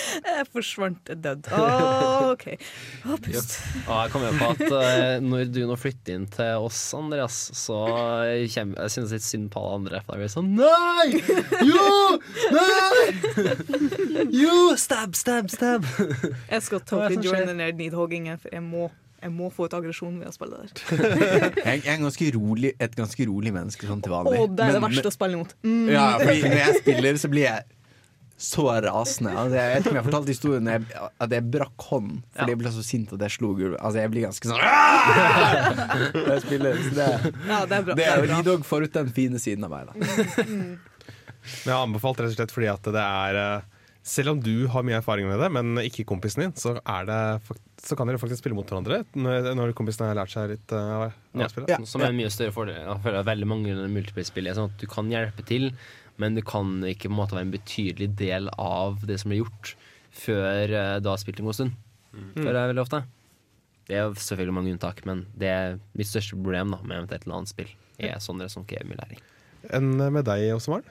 Jeg vil si at forutsatt at alle har spilt det litt før, så vil jeg si at Crusader Kings 2 er kanskje det spillet som jeg har hatt det mest artig med på et LAN sånn noensinne. For da får du så mange Nei, men gitt at alle har spilt det litt før, da, ja, da og liksom man, skjønner skjønne basics, Mm. så man må jo nødvendigvis være god. For jeg vil si at man lærer seg Crusader Kings 2 ganske sånn relativt fort. Men Mm. det tar veldig lang tid å bli god på det. Mm. Og det er nesten ingen som blir god på det. Og hvis det er noen som er bedre enn andre, så spiller man på en måte bare på lag. Sant? Og man får så mange historier, for det blir en helt ny dimensjon da, med, sp med spill når det på en måte er satt i virkeligheten, i uh, hermetegn. Mm. Og så du blir sånn Å, fy faen, det er jævla Jeg kasta ut jødene fra landet mitt, og OK, det var et dårlig eksempel. Det var et veldig dårlig eksempel, men man får veldig mange artige historier, da. Sånn i ettertid, og det er veldig sånn Ja, blir veldig sånn camaraderie over det. Ja, for dere kan spille sammen og mot hverandre? Ja, alt kan spille liksom sånn Man kan enten velge å på en måte spille som ulike land, eller så kan man være dukes i et land, eller så kan noen være kongen til noen annen. For eksempel hvis det er en erfaren spiller, så kan den være kongen, sant? Og så kan den nye spilleren være en vessel av den kongen. Da. Hmm. Ja, jeg, jeg vet ikke, jeg har bare generelt fått en veldig dårlig opplevelse rundt uh, Crusader Kings 2. For at uh, hver eneste gang jeg har liksom prøvd det, så har jeg alltid sittet i et rom med tre andre som er kjempeflinke, og bare sånn Ja, her plukker du opp lett. Og så er jeg sånn 20-30 menyer rundt på hele skjermen, og så Nå må du trykke den knappen! Nå må du trykke den knappen! Nå må du trykke den knappen! Og bare «Ah, OK. Eh, nei, nå holder du på å plotte mord mot noen! Å ja! Nei, ops! Nei, hva du gjør nå? Du holder på å erklære krig! Å oh, ja, OK! Sorry. Og og liksom, det, er litt, det, er litt, det er litt den delen at jeg føler at læringskurven er veldig bratt. Du må ha spilt sånn 20-30 timer før du fungerer bra da i Crusader Kings, føler jeg. Eller, Eller, folk eller bare spille gjennom tutorialen, kanskje? Nei, tutorialen er kjempedårlig. Den Mm. forklarer ingenting. Det Den, er eh, altså, sterkt fraanbefalt fra folk som har spilt det mye. Halve Altså, den beste tutorialen i Crusader Kings 2, det er å spille som England. Det er å starte som en duke i England og jobbe Mm. deg oppover, fordi det er en veldig enkel øy, fordi det, det er jo England, sant? Og så er det, hvis du bare velger deg en eller annen tilfeldig duke på den øya, sånn litt tidlig i spillet, sånn 1066, så er det en utrolig god tutorial, og du lærer veldig, veldig mye på veldig kort tid. Den andre grunnen til at jeg ikke liker så godt uh, Crusade, nå mener jeg ikke sånn rakker ned, men det var sånn litt for å få fram hva jeg personlig liker med landspill. da Uh, At uh, Crusader Kings 2 er litt, føler jeg litt som monopolerisk. Det tar veldig lang tid. det er sånn, Jeg liker landspill som det er liksom uh, du, kan, det, du kan spille det, og du kan spille det i 20 minutter, eller du kan spille det i eh, flere timer. Og det er greit. Men jeg føler at i Crusader Kings så må man virkelig sitte der i alle fall i sånn fem-seks timer før du får et bra game. Ja. Uh, så det krever jo dedikasjon, tid og Men også, jeg føler at det er det som jeg syns er artig med LAN. Mm. Det å sitte med spill som varer veldig lenge. For det kan være én ting, for jeg er ikke så glad i Nidog og sånn. For jeg Ja, syns det det er er for helt kort. legit, Og da er det sånn Min type LAN-spill er dem som liksom som, Der alle spiller på samme på en måte da, brett og kan samles om noe, da. Mm. Eh, I stedet for at det er to som bare sitter rundt en TV-skjerm og har det dritartig mens resten ser på. Og det, er vel, det er vel nesten bare på LAN at du får til å spille såpass omfangsrike spill sammen. Ja, du kan si, det er jo litt forskjellen på en sånn tapas-LAN, kan du si. Altså, man på en måte, ja, man Ja, spiller er liksom, veldig bra beskrivelse. 15 minutter i dag, og så spiller man to runder med Rocket League, og så spiller man liksom litt, sånn, litt av hvert. Litt sånn oh, smak på kjøttbollene. Uh, mens eh, Tasted a meatball. Liksom. ja, kanskje Mario. Jeg, jeg vet ikke. Uh, men uh, mens Crusader Kings er en hovedrett. Og det er på en måte det er, en- Eller eventuelt én på en måte en lang middag hvor på en måte Crusader Kings er både for- forrett, hovedrett og dessert. På en måte. Um, og den andre tingen med Crusader Kings er at det handler ikke Altså Nidog handler om å vinne. Det er gøy selv om du taper, men det handler om å vinne. Sant? Det er et kompetitivt spill. Du skal stabbe han fyren i øyet. Ikke sant? Men, men Crusader Kings er mer sånn historier. Og det kan ofte være interessant å tape i Crusader Kings, fordi du tapte på en veldig morsom måte. Så de, er liksom, de er kanskje så forskjellige som man får det. På, på LAN-skalaen. Det var morsomt de endte opp med de to, på en måte. Men de er liksom helt motsatte. Men, men jeg vil si de kanskje er de beste innenfor sin versjon da, av Mm. LAN-spill. Har du et uh, spill du uh, hadde hatt lyst til å spille på et LAN, Renate? Ja, det er masse spill jeg liker å spille på LAN, men det er, liksom, det er spørsmålet angående Crusader Kings og Nidhogg. Altså, hva er dere syns best som definerer et land? At dere deler en skjerm, sånn som Nidhogg, og sitter og spiller, hver- og deler en skjermen? Ass. Eller har hver sin PC, og liksom, kan du eventuelt spille Nidhogg hver sin PC, og litt sånne ting, da, men hva er liksom best? Det Hva er aller beste er jo på en måte for meg på LAN har Mm. alltid vært at du får se reaksjonen til folk. Det er en ting liksom høre at de eh, knuser mikken sin, og at uh, du ikke hører noe på andre enden. Men, men når du kan liksom både høre at den skriker så høyt at alle i nærheten hører det, og at uh, du, du, kan, du kan føle hamringa på bordet, og at du ser fysisk at han holder på å kaste Eller han eller hun holder på å kaste seg bakover. Mm. Det, det er noe veldig spesielt med det, altså. Mm, ja, jeg skjønner. Eh, og det å bare stå og småfnise med hverandre mens andre går forbi deg mens du har gjemt deg på et veldig bra sted og sånt. Det er en veldig spesiell følelse som er på en måte eh, man kan ha det veldig gøy med å spille multiplayer hver for seg, men jeg tror det er noen spill spesielt som passer eksepsjonelt bra da, på et LAN der man alle er der. Pluss at man da har satt av tida. Ikke sant? Mm. Da er det ikke at 'å nei, nå skal jeg eh, spise middag og jeg skal ha en avtale om to timer'. Da er det liksom Folk flest har da satt av tida til landet. Mm, ja, jeg skjønner. Ja, et sånt spill jeg vil anbefale, er jo Mario Kart 8. Det er mitt Mm. Er det 8? Ja, det er 8. Det Ja. er mitt ideelle landspill. For Ja. det- det er god, men du blir fortsatt sint. Arner, Arner prøver seg Arner prøver å se på Tam igjen, men nei, da blir jeg sint. And Men er there comes a blue shell. En, to Sorry. Men Mario Kart 8 der også. Ha, er det et spill eh, Hva, hva syns du er det perfekte LAN-spillet, Steinar? Eh, Jeg tenker litt Det kommer litt an på hva slags personer du spiller med. Yeah. eh, Sånn personlig Jeg liker Nidol med noen, og jeg liker Dying Light med noen. Men et spill jeg føler jeg kan spille med de fleste, eh, der vil jeg faktisk slå et slag for Minecraft. Eh, Jeg, som alle her vet, så er jeg en ganske stor spiller innen Minecraft. Jeg har spilt mye, jeg har lagd maps som folk har lasta ned osv. I lang tid. Og det å sitte med et prosjekt med noen venner du har hatt i lang tid, og bare føle at du utvikler det og faktisk kommer fram med noe som etter hvert kan vises og faktisk fungere, det syns jeg er ganske stort. Jeg liker å ha et prosjekt over lengre tid, og LAN er perfekt til å komme langt på et sånt prosjekt. Ja, ta et skippertak. Ja, ta et skikkelig skippertak og faktisk få gjort noe. For det er sjelden sånn at man ja, jeg slår på serveren nå, ja, så spiller vi en time, og så går jeg og lager middag, liksom. Mens på LAN så har du dedikert lang tid. Og du får gjort masse! Vært kjempeeffektiv. Ja, nei, jeg ble litt uh, Jeg ble litt engasjert, jeg nå. Men altså, bygge, liksom, bygge det tårnet eller Ja, bygge den bydelen, eller lage det sidequestet til det mappet du har jobbet på i fire år, liksom. For Er det, gjort noe. er det scripting òg, liksom? Kan du Ja, altså du bruker kommandoblokker i hovedsak. Altså, I hvert fall jeg. Uh, mange bruker mods. Det kartet jeg og vennene mine driver med, det har vi drevet på snart i fire år. Mm. Uh, og der lager vi alt vanilla. Ja. Bare at vi bruker kommandoblokker til at det skal føles ut som et annet spill enn Minecraft. Så det, det er ganske mye tid og skriving ned i det. Det- Nei, det er mye, mye å snakke om der, altså. Kult. Det er også helt annerledes fra de andre spillene vi har, vi har snakka om. Ja, for det, jeg føler det er et veldig chill spill du slapper av med, og gjerne sitter mange timer og bare gubler gubler og driver med. liksom. Eh, vi har flere LAN har endt opp med at det er sånn Går sola opp, eller går den ned nå? det er liksom standard LAN-replikker for meg og mine venner, liksom. Nice. Og spesielt da det kommer til Minecraft, da, for det bruker vi uendelig lang tid på. Hmm. Ja, det var mange, veldig mange gode forslag til LAN-spill. Jeg er redd jeg ikke har noe særlig godt forslag selv. Men uh, i Garry's Mode uh, er jo morsomt. Ja, det er jo sånn 50 landspill igjen, da. Det er kanskje det som gjør det så bra òg. Du har så ekstremt mye valg. Ja, altså, du hvis, spille. hvis du på en måte skal eh, være på et LAN på et budsjett, så vil jeg si at Garry's Mod burde være en av dine go-tos. For, at da, altså, for det første så er vel der folk flest har det. Og det, det, er liksom, det, det finnes alltid en ny mod med en eller annen game mod som er kjempemoro. Jeg for eksempel er veldig glad i at hvis vi er mange Uh, liker veldig godt Pirate Ship Wars. Som en, kje- det, det, det som er morsomt, er at du, du, du, du har et skip på hver side av et kart, og så skal du kjøre inn hverandre og skyte hverandre med kanoner og sånt. Det som er morsomt, og nå løp du også med opp Panna, men du har, ikke, du har ikke spilt det med fire mot fire. Du har bare spilt det der vi var to mot én.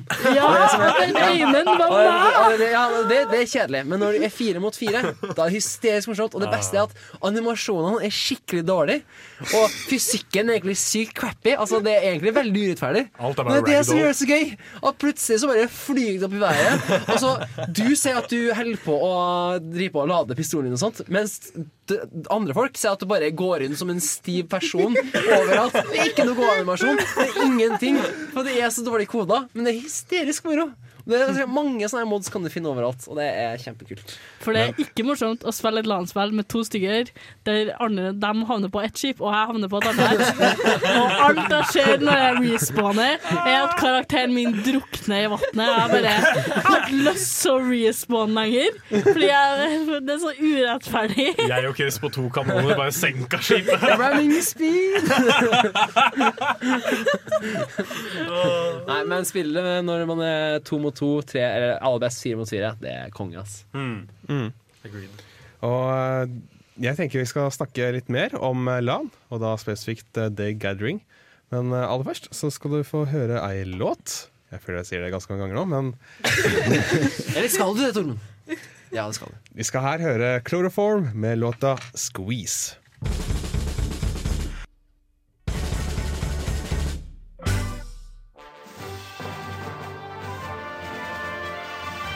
Du hører på Nerdeprat på Radio Revolt. Og eh, Bård Ræstad, som vi hørte der, han joina oss også på The Gathering i Hamar. Og for dere som ikke har fått det med dere, så lagde vi nemlig eh, to podkastepisoder mens vi var på, i Hamar. De lagde vi fra kjøkkenet til eh, Bård, så det var litt uh, morsomt. Hjemmelagd. Og eh, der snakker vi om at Og første episoden så snakker vi om at hvordan vi gleder oss til å komme oss til eh, The Gathering. Fordi at vi hadde ikke ennå Vi hadde fått satt opp hylle og sånt, men vi hadde ikke fått spilt noe spill. Nei. Og andre episoden så snakker vi om at vi gleder oss til å komme oss til eh, The Gathering igjen, fordi at uh, vi hadde fått spilt litt spill, men ikke så mye spill som vi ønsket å spille. Nei. Men også sa vi, sa vi hadde lovt at vi skulle komme tilbake på eh, Hva heter det? Påske... Ikke påskelørdag. Uh, Påskeaften. Påskeaften. Yes. For å snakke mer om det vi eh, da skulle gjøre. Men eh, det, vi endte opp med å bli sittende hele påskeaften og spille og Og så stå, Ja, påskeaften var lørdag, ikke sant? Ja. ja. Og så plutselig så var det sånn Å ja, sant det, vi må kanskje pakke sammen nå hvis vi skal rekke å bli ferdig. Mm. det var sånn Ops! uh, ja. Nei, altså Jeg sitter iallfall litt med den samme følelsen som i fjor. At eh, det er sånn shit, det her gikk kjapt. Litt for Ja. kjapt. Ja, helt enig. Og at det liksom var sånn Ja, men akkurat når jeg følte at det var virkelig, virkelig kommet bra i gang, da, så var det plutselig over. Jeg skulle gjerne hatt fem dager til, jeg. Så etter, at, eh, etter de fem første. Ja, for, at, for det var først da jeg virkelig begynte å komme inn siget og begynte å bli vant til det og sånt. Ja. Mm. Eh, for det var liksom en dag med setup, og så måtte vi jo bruke hele lørdagsnatta fram til sånn klokka sju om morgenen. Eh, fra klokka ett. Og så stilte vi klokka en time fram pga. Mm. Eh, søndag, nei, sommertid og sånt. Ja, Det fikk ikke jeg med meg. nei, nei, det er derfor det tok så lang tid. Det var fordi at eh, vi mista en time. Uh, men så begynte det å regne ute når, mens vi lassa på, så jeg bare shit, så måtte kjøre rundt varebilen og bare kaste alt inn før det begynte å regne skikkelig. Eh, ja. Nei uh, Monteringstida var lang, men jeg synes også den var veldig verdt det til slutt. Det var veldig mange som kommenterte hylla. Vi jo, fikk en honorable mention på, uh, i, under kåringa. Vi vant riktignok ikke, men vi fikk en honorable mention. Uh, og ja, det er vel Jeg sitter allerede på en god del ideer til hva som potensielt kan forbedres neste år. Mm. For eksempel så hadde vi jo ganske massive bakplater, blant annet. Vi hadde to hyller, så det var det jo en gate ikke sant? med Mm. fine gatelys og sånt. Og største problemet var at mesteparten av vekta var jo kanskje på bakplatene. Det var jo sånn massive kryssvinérplater eh, som var kjempetung. Så vi måtte jo sette sammen én vegg først, så løfte den opp til, opp på pulten, og så ta med en sidevegg, og så skru sammen, skru sammen den, så ta en annen sidevegg, skru sammen, og så gjøre ferdig resten. Eh, det ble en kjempesolid konstruksjon til slutt, men den var drittung. Det var sånn Vi måtte forsterke med ekstra flanker og etc. Så de bakplatene må nok dra til neste år. Eller det må vi uansett, for jeg laga pult ut av to av dem. Scavenger. Hva er det vi har brukt eh, Hva, hva, hva, hva er det brukte materialet til etterpå, eh, etter, etter de kom hjem? Nei, så Jeg hadde jo bare en skjærefjøl og en pult, og jeg har vært lei av å spille på en sånn skjærefjøl. For at liksom, jeg har skjermen, tastaturet, og så sitter jeg krøka sammen og prøver å gjøre ting på maskina. Eh, og nå kom vi frem til at liksom, etter TG så fikk, fikk kom, jeg tror Hanna som kom med en veldig god idé. Og det er at Istedenfor at man har massive bakvegger, så tar man istedenfor to tøyduker.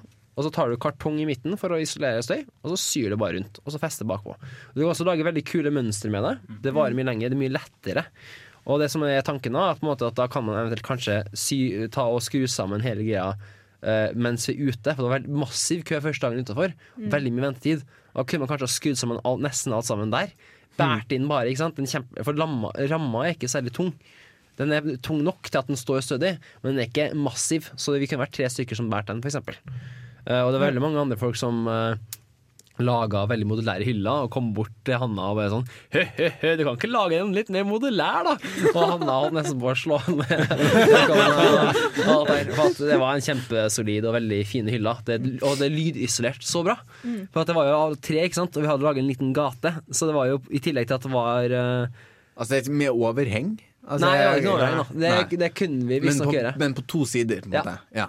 Så det ble en bitte liten gate da på fire-fem sett. da. Det var kjempekoselig.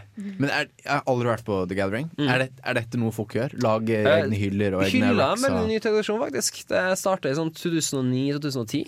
At folk bare For at du får veldig liten plass på gathering. Det er sånn 80 ganger 60 cm, tror jeg. Eh, og spesielt hvis du er en person som sover på skipet, da, så er det, har du veldig lite plass. Hvor skal du legge bagasjen din? Eh, altså Maskina di og tastatur og mus tar allerede veldig mye plassen.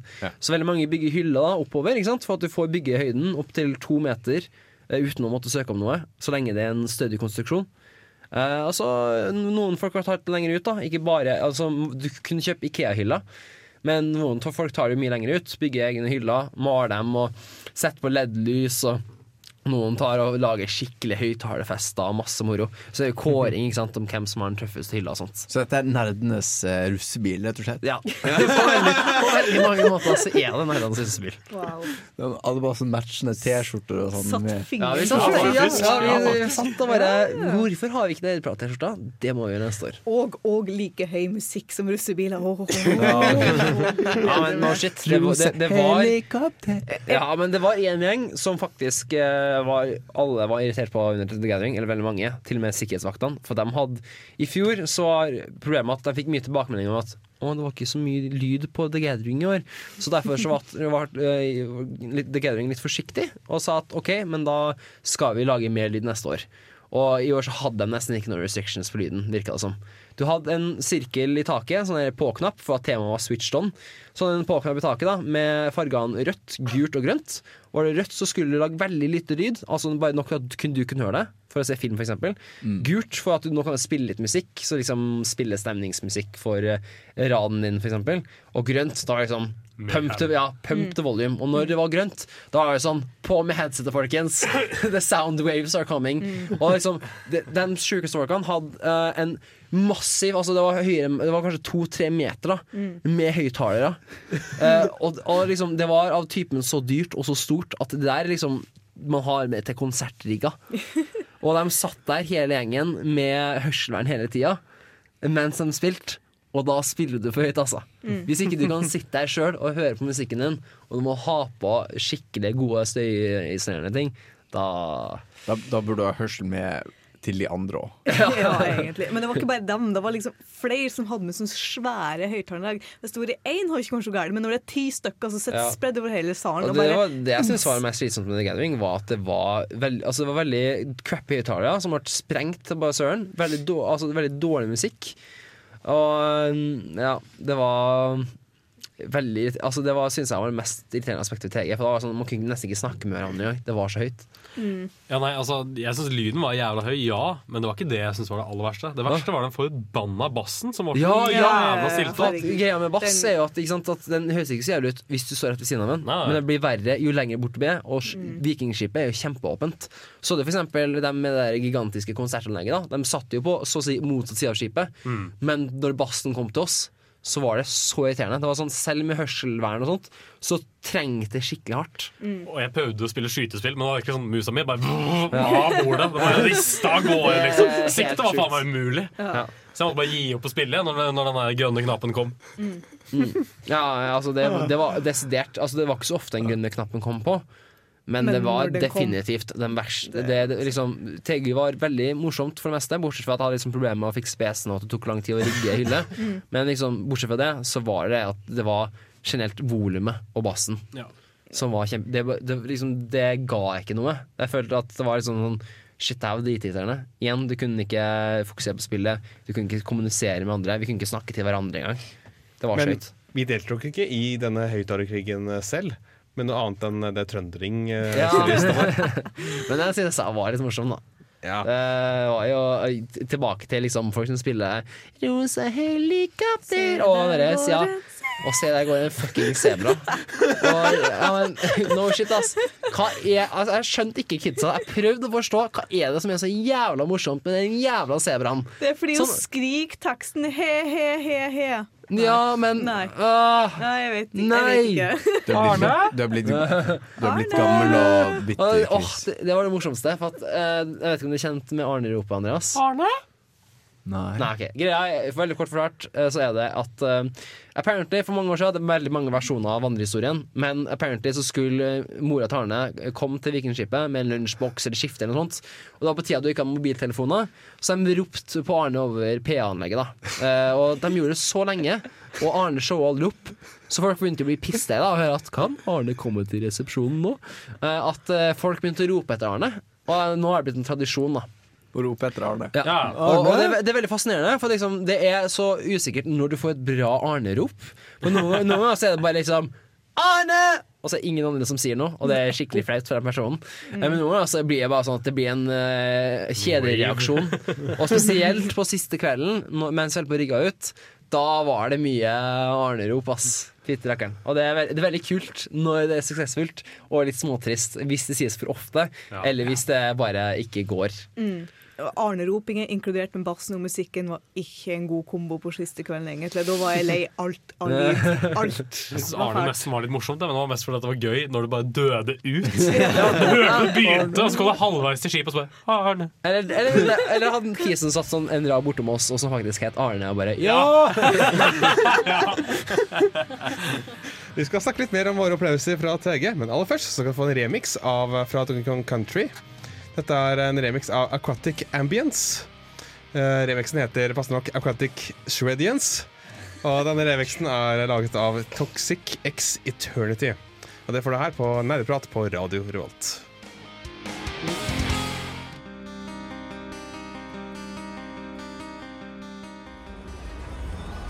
Du lytter til Nerdeprat fra Radio Revolt. You're listening to Nerd Talk from Radio Revolt.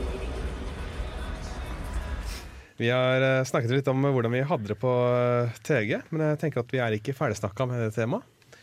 Jeg eh, lurer litt på om det er noen spesielle minner eller eh, ting som skjedde på TG og sånt, som vi har lyst til å trekke fram. For eh, det ble jo mye syting og klaging på musikken og sånt. Men det må da ha kommet, det må da ha kommet noe Chris. Det må da ha kommet eh, noe godt ifra det. The kids and their music. Jeg syns at det beste var at vi ble en hel gjeng som for dit i lag, og mange av dem som eh, ikke er så aktive i nerdeprat lenger. Gnir. Nei, gnir. Det liksom- Ser på Andreas. Det var liksom Hanna og Jens Erik og Det ble liksom sånn Bård. Og Bård, ja. det ble sånn koselig sammentreff og se alle igjen og henge med dem og spille med dem. Og synes jeg var veldig koselig. da Jeg syns det var veldig kult å være ny, ja, for jeg er fortsatt ny i nerdprat, føler jeg. Så det å være ny og bli med gjengen på TG liksom, og bli kjent med det ordentlig Jeg har jo endelig fått et slags mer vennskapelig forhold enn bare sånn jeg jobber det på med Chris og jeg er på radio med resten, liksom. Nå har jeg virkelig så følt at jeg begynner å kjenne det litt mer, og føler at jeg kan invitere det til spill og finne på ting. K- Hvem er du igjen? Det var altså like mye som meg, så ikke kom her og kom her! Unnskyld meg! Nå får du faen meg Nei, ja, jeg tuller. Nei, men jeg har også et veldig, veldig spesielt minne egentlig fra The Gathering, som kommer til å stikke en, nei, stick around en stund. Uh, det her er en veldig lang backstory på det, her, så bear with me.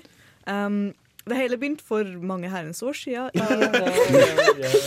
Det var i 1997. Jeg satt alene på en seter, langt fra folk. Men du forteller oss God damn it, det er veldig rørende historie. Nei da. Um, dere husker kanskje Nettby? Anyone? Nettby? Ja. Nettby. Yes, um, der var det jo, og Dem som ikke vet om Nettby, det er en slags uh, norske versjon av Facebook fra tidlig 2000-tall. og sånn. Det var Um, pre-Facebook. Ja, det var, det var før Facebook, altså. Da alle de kule kidsa hang på Nettby, og det var lignende, men ikke helt lik. Og MySpace. Om, om Nei. vi snakker ikke om MySpace. uh, og på Nettby så var jeg medlem i et uh, forum da, som heter Alternativ stil, for det her var min godterperiode, og jeg gikk svartkledd. Jeg var skikkelig kul med piercings and shit. Um, og på det her forumet så ble jeg kjent med ei jente da, uh, som heter Elisabeth. Og, og vi liksom bare snakka litt sammen, for, for en felles interesse, la til hverandre på venner.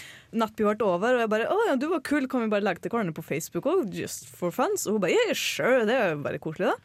Uh, og på The Gathering så møtte jeg denne jenta, og det var artig, koselig og veldig spesielt å liksom møte en person på nett som bare liksom distré, bare lika posta til og bare 'Gratulerer med dagen', sånn i ny og ne. Og bare og skikkelig kul òg, og jeg bare bonda så mye. Så det er så spesielt med det, The Gathering, da, det er at du, du treffer jo så mye likesinnede der, og du treffer jo så mye forskjellige folk, men dere bare klikka sammen så spesielt. Og nei, shout-out til Elisabeth. Det var artig. Det er en Mm. koselig, koselig opplevelse. Hvis jeg skal trekke fram eh, Det er to ting jeg har lyst til å trekke fram. Det ene er den aller første konserten på The Gathering, som eh, var på åpningskonserten. For eh, ikke, ikke, de artistene som, som spilte der, det var sånn whatever. Sånn broil, og sånn. Ja. Men de hadde et helt eh, orkester her. Juniorsymfonikerne. Som eh, spilte orkesterversjoner av eh, spillmusikk og diverse filmmusikk. Vi fikk eh, medley med diverse låter fra Super Mario Brothers. Og hvor dirigenten tok med seg Super Mario-hatt før de startet på låta. Og eh, vi fikk også da, da jeg gikk tilbake til plassen min fordi jeg ble så lei av alle disse eh, ikke-juniorsymfonikarene som spilte. Mm. Altså, det var, det var tre artister, og juniorsymfonikarene spilte på en måte mellom de. Som en slags ja, eh, rød tråd. ja, det var vel hele konseptet var at det skulle bli en innovativ, ny konsertopplevelse. Der Ja, vi mikser elektro med orkester. Ja, og også fordi hele konserten ble streama i Minecraft. Så Hæ? Men det det, det ble, var at det var veldig Det fint. var helt forvirrende. Ja, det, det, det var også veldig rar, og det, liksom, det var en stor greie at hele greia streames Minecraft, det synes jeg ikke var så stort. Uh, men det var sånn Det endte med å bli Uh, generisk elektronisk musikk, og så veldig fin orkesterversjon av Mm. ting. Og så kom Darude Sandstorm, og så kom det noe nytt, da. Orkesterversjon av The Rude Sandstorm. Oh. Oi. det. Just Rude Tank Storm, the orchestral version. Men ja, jeg syns de spilte veldig flott, og det er også kult å høre dem spille Star Wars-melodien. Denne ja. Steinar smiler veldig godt bredt. Og det andre ting jeg vil trekke fram, er en, nesten på slutten av The Gathering så holdt uh, deler av tech-crewet til uh, The Gathering, de som holdt på med å rigge opp i nett og sånt, De holdt et lite foredrag om eh, nettopp hvordan nettet var satt sammen. Hvordan eh, var det helt ifra hvordan eh, internettlinjen deres kom fra Telenor inn i Vikingskipet, og alle disse tekniske tingene sånn, som jeg hittil bare har hørt om i forskjellige forelesninger. Plutselig så får jeg høre bare hvordan det hele kommer sammen på The Gathering. Hvordan switcher og rutere og alt mulig. Det var, det var veldig kult å få med seg. Få det så ekte, liksom. Mm. Real, man.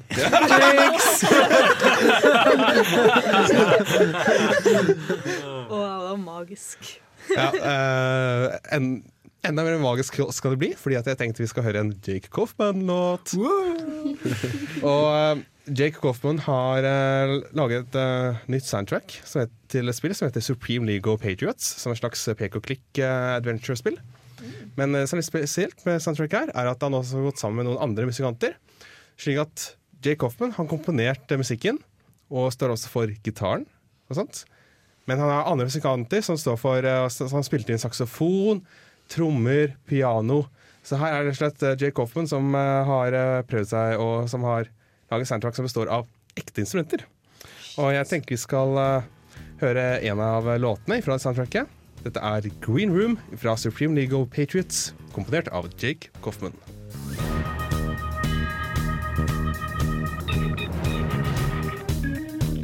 Radida til bardaga. Ja, ra ra radida. Ja, til bardaga. Nerdeprat på Radio Revolt! Ja! Og vi har nå snakket litt om eh, påsken som var, der eh, majoriteten av oss var på The Gathering. Alle ser på meg. Passive aggressive stare. Du var ikke der, Andreas! Nå. Nei, det hørtes veldig gøy ut å være på TG. Du gjorde det. Gøy på mange måter, men jeg synes også liksom, det er ikke ferie. på en måte Jeg kom jo tilbake og var litt dødskutt. Ja. Litt. Jeg var helt utslitt. Altså, ja. Unnskyld, men når jeg kom hjem klokka 11, så spilte rommekameratene mine musikk, og jeg bare av! Nå, av, nå, jeg går og legger meg. Jeg skal ikke høre et pip! Ja, når, vi hadde pakka, når vi var ferdig pakket på lørdag, så var det type at eh, eh, vi sov La oss klokka sju cirka. Sto klokka fire om dagen, og egentlig så hadde jeg klart å sove mer hvis det ikke var for at noen vekket meg og sa at nå burde du kanskje stå opp. Uh, og det var liksom Den dagen var det skjedd absolutt ingenting. Det var sånn Nei. Spist frokost. Uh, jeg henta varebilen, og så bærte vi ut Bård sine ting, for at uh, han skulle jo ha dem. Jeg skal ikke kjøre det opp til Trondheim. Uh, og så var det å sette den tilbake, bestille pizza, spise pizza, og så sitte og lese noen artikler som jeg ikke For jeg har ikke lest noe eller vært på YouTube på fem, seks, sju dager. Mm. Og catcha litt opp på det, og så plutselig sånn Å ja, nå er det kanskje på tide å legge seg. Fikk prøvd litt av et brettspill som Bård på laget, lage, blant annet, som var veldig kult. Men så var det liksom legge seg, stå opp dagen etterpå kjempetidlig, for at eh, det skulle visstnok bli påskekaos og dårlig vær. Så da sto jeg Jens Erik og Hanna opp sånn i sekstida, og så kjørte klokka sju, og var fremme i Trondheim sånn elleve. Og så laster vi av, og så bare jeg sånn fuck it, nå har jeg varebilen i fem timer til. Bygge pult. Satt fra meg pult. Det varebilen. Så etter det så var jeg ferdig. Altså. Ja, ganske ferdig og trøtt og sliten etter at vi holdt på hele lørdagen og pakke ned. Og Mm. Det var veldig sånn plutselig at det var sånn Oi, vi må faktisk tenke å pakke ned om en time. Mm. Det var Mm. veldig sånn sant, det. Og jeg er veldig glad for at vi gjorde det, for at det begynte å regne mot slutten av pakkinga. Eh, og det ble bare verre og enda mer folk jo nærmere. For at de, sk- på søndag så skrur de av eh, strømmen, er det vel, klokka ti. Ja. Og så forventer de at alle skal ut innen klokka tolv. Og så er de sånn gigant De kjørte inn liksom tidenes mest gigantiske trailer ass, uh, inn i Vikingskipet. Det var, det var, masse, det var massiv bil som kjørte den også. Mm. Uh, og bare dumpa den der. Og folk bare kasta jo alle av Ikea-hylla og sånt. Mm. Og Ja. noen sendte meg en snap etterpå med liksom det kalasse, rene søppeldynga, Mm. altså. Med støff. Som det endte opp å være oppi her. Det var sjukt. Mm. Men uh, litt det, det er en ting jeg lurer på, og det er hva, hva er det vi tenker om neste påske? Har vi lyst til å gjøre dette her igjen? Lage en ny hylle, dra på TG? Eller er det kanskje noen andre ting som eh, frister? Hva, hva er det dere tenker, mine mednerder? Renate? Unnskyld. Herregud. Unnskyld. Jo, jeg er litt uh, revy på akkurat det øyeblikket. For en, ting så var Gathering det var en spesiell opplevelse. Jeg trivdes så koselig å sette vi var, var omringa av likesinnede mennesker og prøve nye spill og liksom bare sette og, Å ja, da spiller jeg kjempeartig. Men prøv da å bare skype med folk og Discord og alt sånne ting. Men samtidig som den introverten jeg er, så var det et lite mareritt for meg en liten stund. egentlig. Jeg tror det var lørdagskvelden vi holdt på å pakke sammen, at jeg hadde bare en fucking mental breakdown. Og bare Så mye folk, så mye lyd, hva skal jeg gjøre med Og det var bare forferdelig. Men jeg, jeg, jeg vel en gang til på The Gathering, det vel. Fordi det, det er en opplevelse man bare får noen få ganger i livet sitt, egentlig. Har råd til òg, for den saks skyld. Og så kan du støtte med oss. Yeah, ja, for det, ja, det er jo en ting. post, post, post. Sa du noe? Ja, jeg vet. Sorry med da, men vi hadde jo sammen, gjorde vi ikke det? Jeg mener, vi, vi sov jo sammen, vi gikk sammen, allting, ikke sant? Vi, vi shared food together. Eh, så det er liksom det jeg vil ha. Jeg vil ha samhold, jeg vil ha den sosiale delen til en viss grad, men samtidig all den bæringen fram og tilbake, og få Ja, piller og satt sånne ting. Definitivt. Altså, det er et par ting som jeg tenkte neste år. Først er liksom Mm. at når jeg skal neste år, så må jeg iallfall ha spart opp litt bedre nødbuffer. For jeg fikk jo kjempestort problem med maskina mi. Jeg måtte jo bygge hele vannloopen min så å si på nytt, så det var dyrt. Eh, det var sånn skikkelig hotfix på TG. Jeg satt med lommelykt i kjeften mens jeg jobba i mørket. Og, ja, og Det da, så da, veldig bra ut. da følte jeg meg skikkelig Har dere bilder? Eh, Jeg tror Hanna faktisk har et bilde. Oi, spennende. Jeg, tror, jeg kan ikke love, men jeg tror Hanna tok et bilde. Huh, den var fin. Det er det. Eh, men i jeg jobber med det, og det var veldig moro. Når etterpå så var det folk som Når jeg hadde gått for å endelig spise middag sånn klokka 11-12 om kvelden, så kom noen og sa 'Hvem er det som har bygd den der?' og jeg hadde gått, vet du. Eh, Og jeg hadde, Ja. ikke, jeg hadde ikke innsett det, men jeg hadde faktisk fått fargeprofilen på PC-en min er oransje og blå, og det har den vært kjempelenge. Men det er tilfeldigvis også fargeprofilen til The Gathering. Er det intentional? Uh, nei, men altså, det, det er det her igjen med å ha god råd, for at TG koster ganske mye penger. Ja. Og vi fikk ganske mye støtte fra SM for at vi skulle dekke litt Altså studentmediene. Ja, fra studentmediene. Uh, for, for å dekke litt sånt. Og helt ærlig, hvis jeg skal dra neste år, så vil jeg helst at når jeg er til TG, så er det egentlig bare for å være på TG. Eh, men da er, liksom, da er det mindre støtte sånn sett. Uh, og så er det å gjøre hylla enklere. For at det var en veldig kul hylle, men oppsettida var ganske lang. Uh, og igjen var ganske tung, så derfor igjen det her med, med tøyvegger og sånt kan være veldig fint. Og for å stilisere. Og sist, men ikke minst, å ha en eller annen form for tralle. Ja. jul! Jul! Gud velsigne jul, altså. Det var Ja. Mm. Men uh, hva, hva tenker du, Steinar? Om, Om, eh, om, om jeg kan gjøre TG igjen, tenker du på? Ja. Ja. jeg vil veldig gjerne gjøre TG igjen. Altså, det var første gang jeg noen gang var på The Gathering.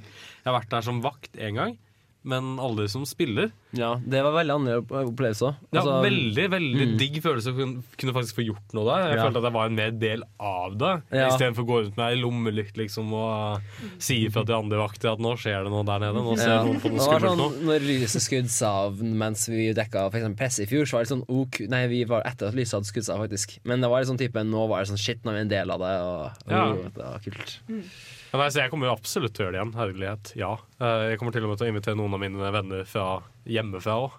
Høyst sannsynlig til å bli med også. Mest fordi at de òg går glipp av noe. Ass. They can't sit with us. Ja, det må jeg iallfall oppleve. Altså, De kan jo sitte på samme rekke. Unnskyld meg. Litt sånn twist Altså Jeg er litt usikker på om jeg skal gjøre det en står eller om det er en annen greier. Men er det én ting skal jeg ha sagt, så synes jeg at man må i alle fall få oppleve det minst én gang. Mm. Det er en veldig spesiell opplevelse å se et hav av 4000-5000 datamaskiner og alle sammen som er der. Mm. For å bruke en hel påske på interessen som er data. Så ja, Andreas, hva Ja. blir det til? Nei, jeg, blir, jeg, blir, jeg, blir jo, jeg blir jo veldig frista. Altså, det høres veldig gøy ut å henge med dere en femdagersspill. og Det er tid å bare spille spill, liksom. Det høres dritgøy ut. Og hvis Jens Erik var med, så er jeg jo ikke for gammel heller. Gjennomsnittsalderen er Altså, 18-19 år. Ja. Så jeg vil nok være blant den eldre garde, men eh, jeg kan være sånn eh, Snakke om hvordan spillene var da jeg var ung, eller Nå skal du høre, gutten min. DLC, da! Da Det var expansion packs! expansion Ja. packs! Da skulle vi ikke spille Se der går en sebra. Da spilte vi Rosa helikopter! Jeg vet ikke om dere har sett det bildet der det, der det er fra et LAN-party. Der det er noen som har blitt uh, ducktapa opp til vegg, opp til taket. Ja. Og liksom sett med en sånn CRT-monitor. Jeg ser for meg at det var liksom The Gathering når eh, Andreas var ung.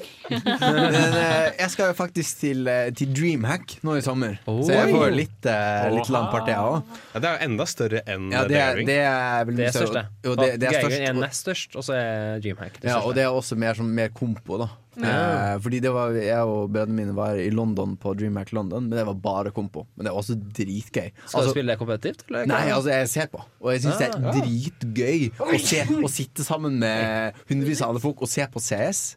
Det altså, det er en så perfekt sport. For det er liksom spenningen når det er en faktisk bombe som driver og tikker ned, og liksom klarer de å desarmere bomben. Altså, det Counter-Strike er en fantastisk tilskuersport, og liksom, det er noe helt annet å se det sammen med Altså Det er da jeg skjønte liksom sport ja. som konsept.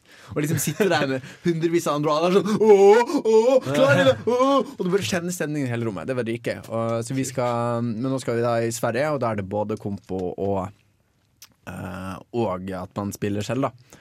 Eh, men det blir jo ikke med dere, da. Selv om jeg, jeg er kanskje mer glad i brødrene mine enn dere. Men altså How dare you? Jeg skjønner det. Men, dere, men det er flere av dere, da. Så det er litt sånn kvantitet, kvalitet. I don't know if that's a compliment. Så vi er kvantitet? Unnskyld Ja. meg. Dere er fem stykker. Jeg har bare to brødre. Altså, kvalitet. Uansett, så jeg Jeg føler på den at jeg har lyst på ferie. Jeg, jeg føler ikke The Gathering det, var, jeg følte, det føles litt sånn som eh, litt stress, litt arbeid. Ja, det Skulle bygge opp denne hylla og sånt. Mm. Det hadde vært så deilig å bare hatt en ferie i eh, løpet av vårsemesteret. Og jeg bare kan ta livet med ro, Mm. chille. Men eh, som viktigst med Tega, at nå har vi opplevd da. Nå, nå Mm. vet vi hva vi skal gjøre. Nå vet vi hva vi er godt forberedt på hva vi skal gjøre til neste påske. Så Men jeg kjenner at jeg er kanskje litt for gammel. Jeg er for gammel. Jeg er for gammel. Det er, ikke- det er ikke noe galt å være gammel. Jeg måtte le for meg sjøl når på et tidspunkt under TG så var det noen som satte på en eller annen remix. Eh, Det var først en artist som spilte på scenen, og så ble den spilt overalt i skipet skipescener. Og det var at de hadde tatt en eller annen 80-90-talls popsang, lagt en, et dubstep-track oppå, og så hadde de en badeandkvakking i takt med musikken. Da var det sånn OK, hva er det kidsa liker i dag? Og litt sånn apropos musikk på The Gathering, så har jeg tatt med meg eh, en såkalt attention grabber. Fordi før ting skjer på scenen, i The Gathering, så spiller de en eh, viss eh, låt på full guffe med full bass, som altså skal ta oppmerksomheten fra folk. Og det vi skal høre nå, det skal høre er Luguber sine attention grabber fra TG 2015.